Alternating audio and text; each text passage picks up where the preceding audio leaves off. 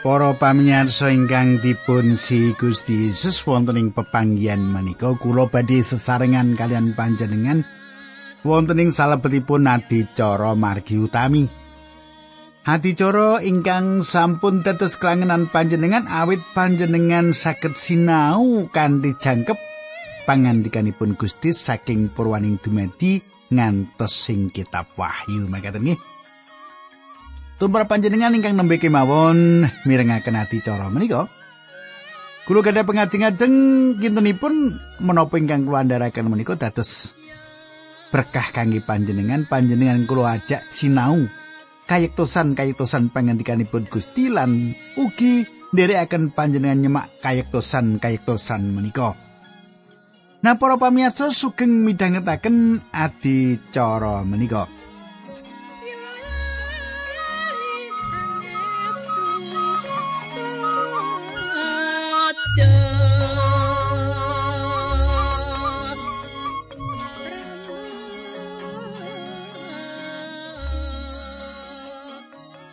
Para pamirsa ingkang kula tresnani ing pepanggihan kepengker kita sampun nyemak kados pundi Elifas mituturi Ayub. Nggih, panjenengan tentunipun tasih kemutan menapa-menapa ingkang dipun tuturaken Elifas dumateng Ayub. Kita badhe lajengaken, monggo kita tumungkul kita ndedonga langkung rumiyin. Duh Kanjeng Rama ingkang ada dampar wonten kraton ing kasuwargan kawula ngaturaken gunging panuwun. Menawi wekdal menika kawula saged tetunggilan kalian sederek-sederek kawula malih wonten ing adicara margi utami menika kawula dipun sinaoni kayektosan kayektosan pangandikan paduka. Dinambaran asmanipun Gusti Yesus Kristus kawula ndedonga haleluya amin.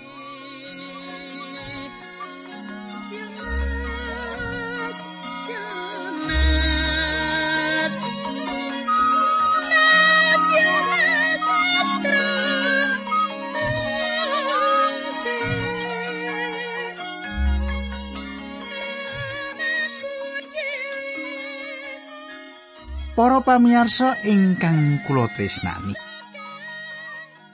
Mboten sadar menawi kita samenika sampun ngancik ing ayub bab gangsa. Ora krasa kok ora sadar nggih kliru.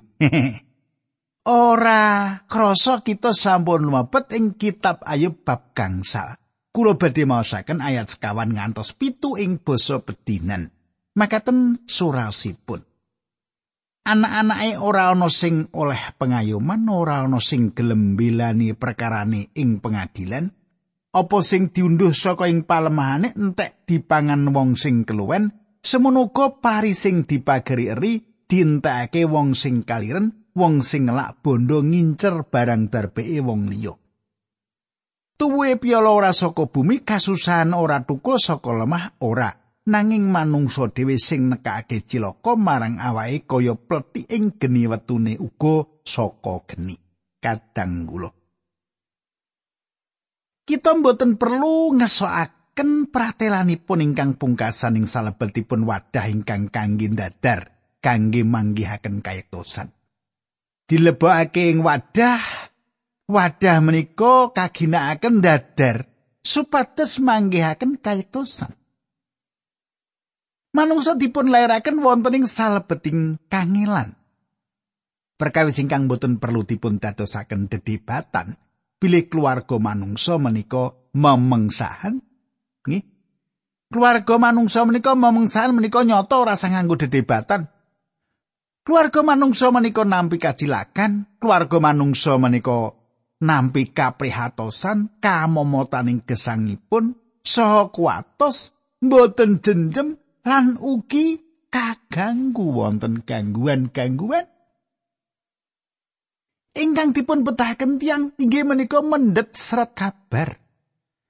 Lan mau saperangan saking pawartos gegayutan keluarga manungsa. Geni nggih nembe kemawon wonten Jakarta wonten kobongan nggih telas rong RW kacilakan bencana peperangan prakiran gegayutan peperangan. Wonten satunggal nyanyian ingkang meratelaken ora ana wong siji kang ngerti kangilan kang wis ndak deleng. Nanging Sejatosipun saben tiang mangertos sawet sejatosipun saben tiang menika gadah perkawis. Gadah masalah. Kita sedaya gadah werni ingkang sami, kita sedaya mboten gadah ukuran ingkang sami, utawi sajinis jaler-jaler istri-istri utawi gadah jinis rah ingkang sami utawi IQ ingkang sami. Nanging kita sedaya gadah kangilan gesang. Kangilan gesang. Nangis menika asipat umum kita. Sejatosipun tembung raos asih. Empati ateges nandang kasangsaran sesarengan. Lan inggih kados mekaten menika gesang manungsa jaman samenika penandangipun manungsa. Gesang manungsa jaman menika inggih menika manungsa nampeni ngraosaken panandang. Sayektosipun tembung Ibrani kangge manungsa dipun jarwaken tansah nandang prihatos. Nggih, tansah nandang prihatos. Inggih menika manungsa. Mboten wonten ingkang tentu kejawi pejah. Mboten wonten ingkang tentu kejawi pajak, pajak saben taun. Dumateng kita dipun pratelakaken makaten, mati pajak ya. Kita sakit nambahaken satunggal perkawis menika, kangelan. Manungsa nuwuhaken kasisan kangge badanipun piyambak, kados kembang api mumbul inggil. Nanging manungsa dipun lairaken ing salebetipun kangelan kados dene percikan latu ingkang layang wonten ing inggil. Kembang api nglayang ing sak nginggilipun angger-angger umum, angger-angger termodinamika. Perkabis menika dumados sanes sawit kalersan. Menggaipun kembang api dipun sebabaken dening panas sing dalu ingkang adem ingkang dados cipratan ingkang nglayang dhateng inggil. kangilan lan kasangsaran lan dosa menika sedaya awit saking anggenipun manungsa mboten bangun turut. Paminipun wonten ing pangandikanipun Gusti Yesaya kawan dosa 8 ayat 23. Wong dosa padha ora tau nemu katentreman. Mengkono pangandikane Allah. Manungsa mbudidaya kangge mbangun satunggal pengangenangan ing salebetipun dosa tetep mboten kasil. kita mboten saged gadah kerajaan sewu taun tanpa rawuhipun sang raja katentreman. Manungsa budidaya nampeni katentreman ing salebetipun jagat tanpa sang raja katentreman. Awit saking menika kangelan nempuh manungsa lan tiang yektos panci nandang kasangsaran lan putra-putranipun Gusti Allah panci nandang kasangsaran ing wekdal menika. Kangelan kala-kala satunggalipun paukuman saking Sang Rama dumateng putranipun. dumateng kita dipun pratelaken yen sadurunge kita wis padha ndadar badan kita dhewe-dhewe kita bakal ora padha dihukum dening Gusti Allah panjenengan saged nyemak setunggal Korintus 11 ayat 3 dosa setunggal Nanging menawi kita mboten dadar badan kita piyambak Gusti Allah kedan dadar kita kangilan kala-kala satunggalipun tindak disiplin ingkang dipun paringaken saking Sang Rama. Dumateng kita dipun pratelakaken ing salebetipun kitab suci. Ibrani kali ayat 6. Gusti Allah merti saben wong sing ditresnani sarta mencuti saben wong sing kaanggep putra. Para pamirsa, Nabi Musa ingkang manggen ing kraton ing pringon milih nandang sengsara bareng karo umat Allah ketimbang ngrasakake kanikmatan sing ora suwe saka wing dosa. Ibrani 11 ayat selangkung. Kahanan ingkang dipun tampi menika minangka disiplin tumrap Nabi Musa. Gusti Allah mboten badhe ngagem Nabi Musa dados tiang ingkang ngwalaken bangsa Israel menawi piyambakipun dereng gadah pengalaman sadangunipun kawan dosa taun wonten ing gurun wedi ing Midian.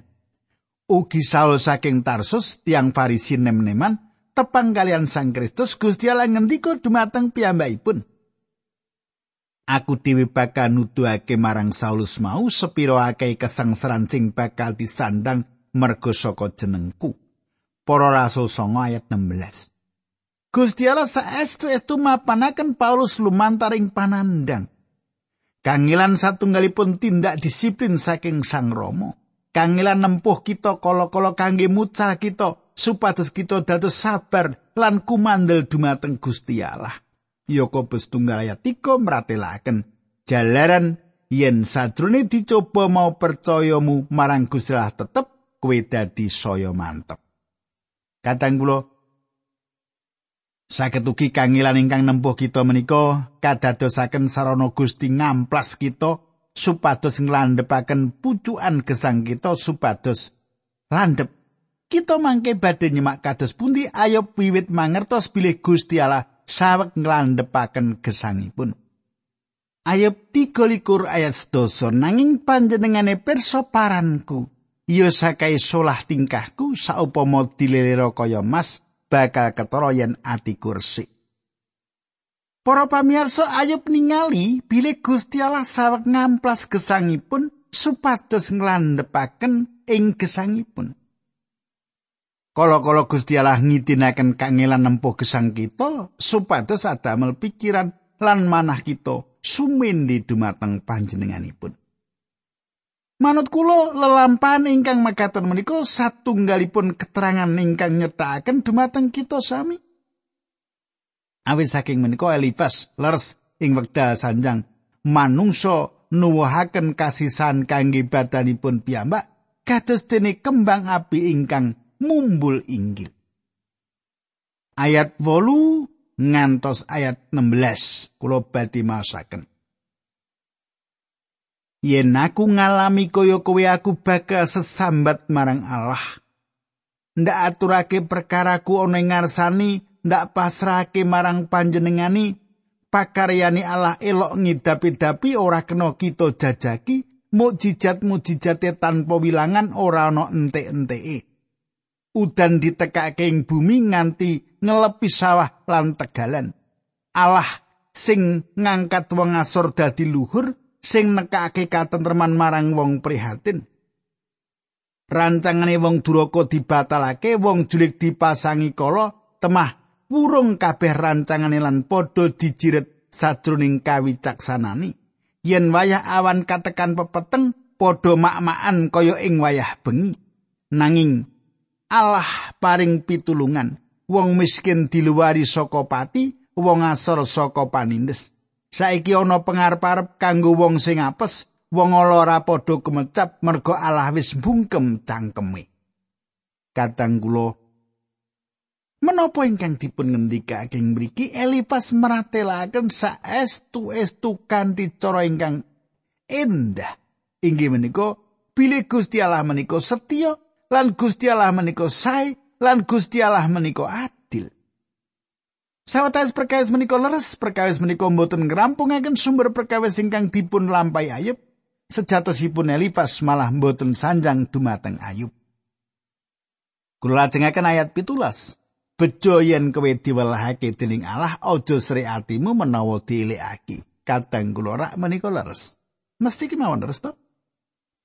Nanging menapa ingkang dipun sanjangaken kangge ngorek pribadinipun Ayub. Pangulawan mboten kedah dados jalaran umat kagunganipun Gusti Allah nandhang kasangsaran kados ingkang sampun kita tingali.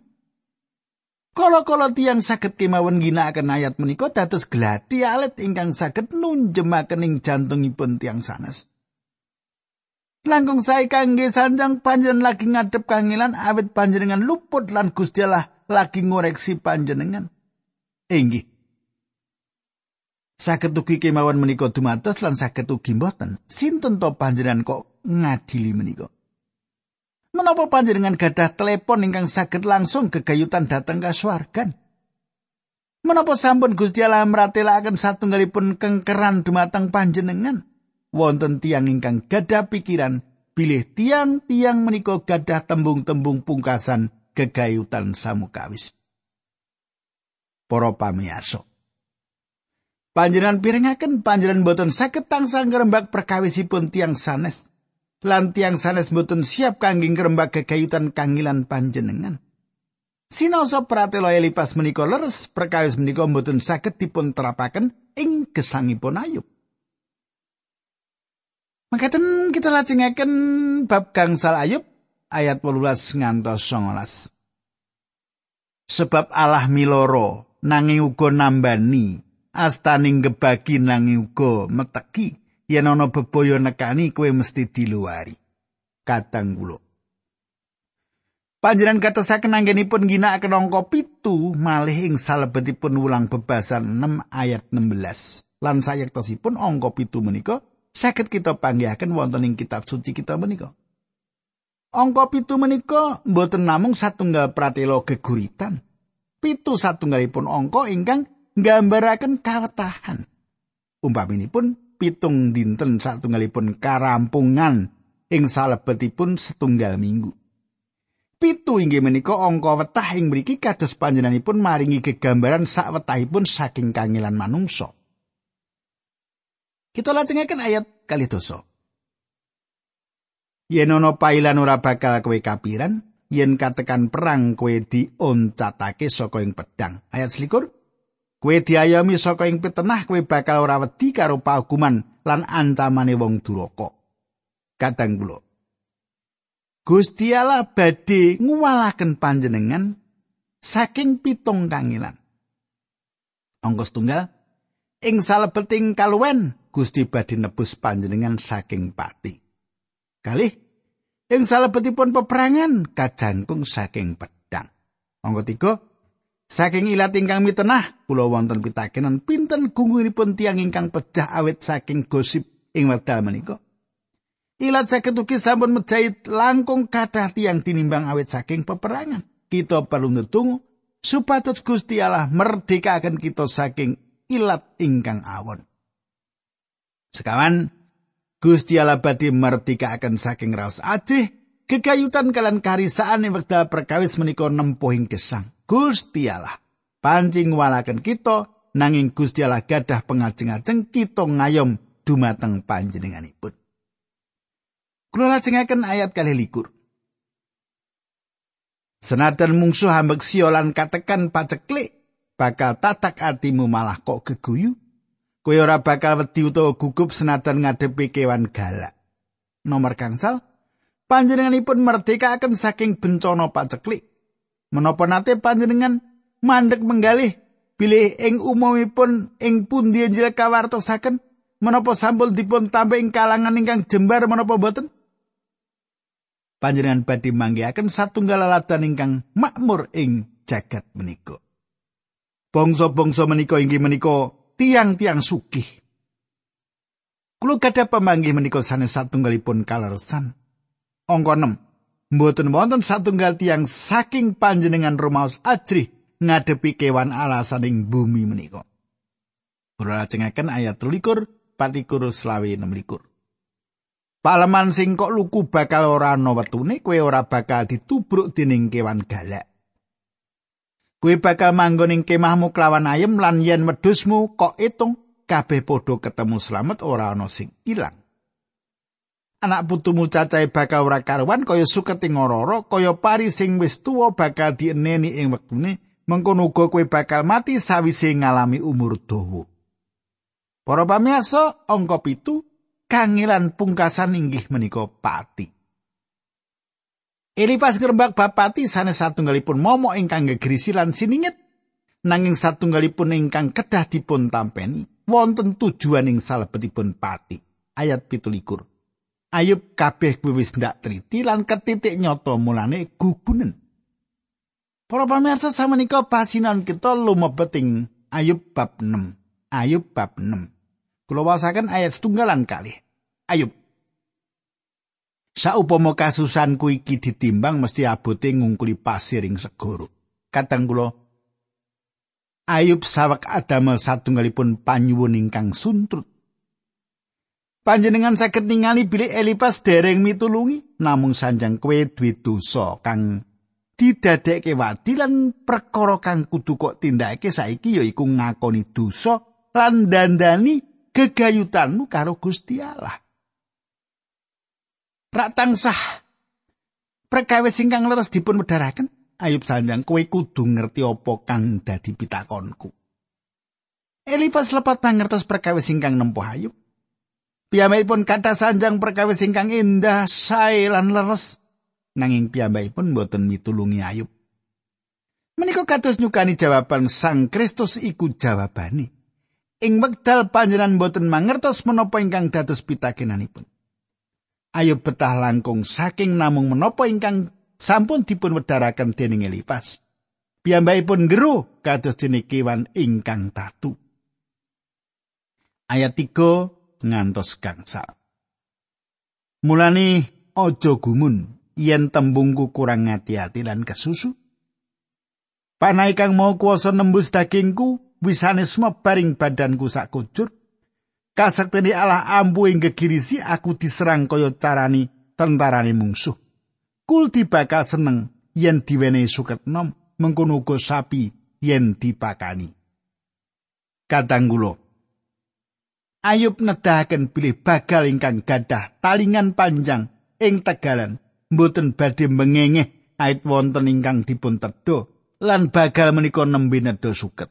Dados Ayub sanjang pilih piyambakipun mboten badhe nangis menawi mboten wonten ingkang nyakiti manahipun. Ayat 6 ngantos 9. Nanging sapa sing seneng mangan panganan cemplang, putu endok apa ana rasani? Aku ora sudi ngepok yen ndak pangan marakake munek-munek. Yo kene ala ora miarsake pandung aku, yo kene panyuwunku ora dipenggalih. Muga Allah kersa ngremuk aku, muga panjenengan itu mandang mateni aku. Kadang kula Ayub sampun melarat. Piyambakipun ngraosaken boten wonten satunggal tiang kemawon ingkang nulungi piyambakipun. Piyambakipun sejatosipun nangkletaken keadilanipun Gusti Allah. Gesangipun kebak penandang. Piyambakipun gadah pengajeng-ajeng Gusti Allah kersa ngejur gesangipun. Nyingkiraken gesangipun. Lan mulungaken astanipun supados mejahi piyambakipun. Ayub kepingin pecah. Ayat sedoso ngantos ayat 15. tumraping aku kuwi bakal dadi panglipurku aku bakal jogetan sajroning kasangsaran. Dawi Allah kang mau suci kabeh wis ndak lakoni lan tansah ndak gateake. Sepiro to kekuatanku dene aku kok isih urip? Apa to sing ndak arep-arep? Saupama aku kepengin umur dawa? Apa rusane awakku kaya atos sing watu? Apa aku iki saka tembogo aku kentean tenaga kanggo golek keselamatan tumraping aku wis ora ana pitulungan maneh.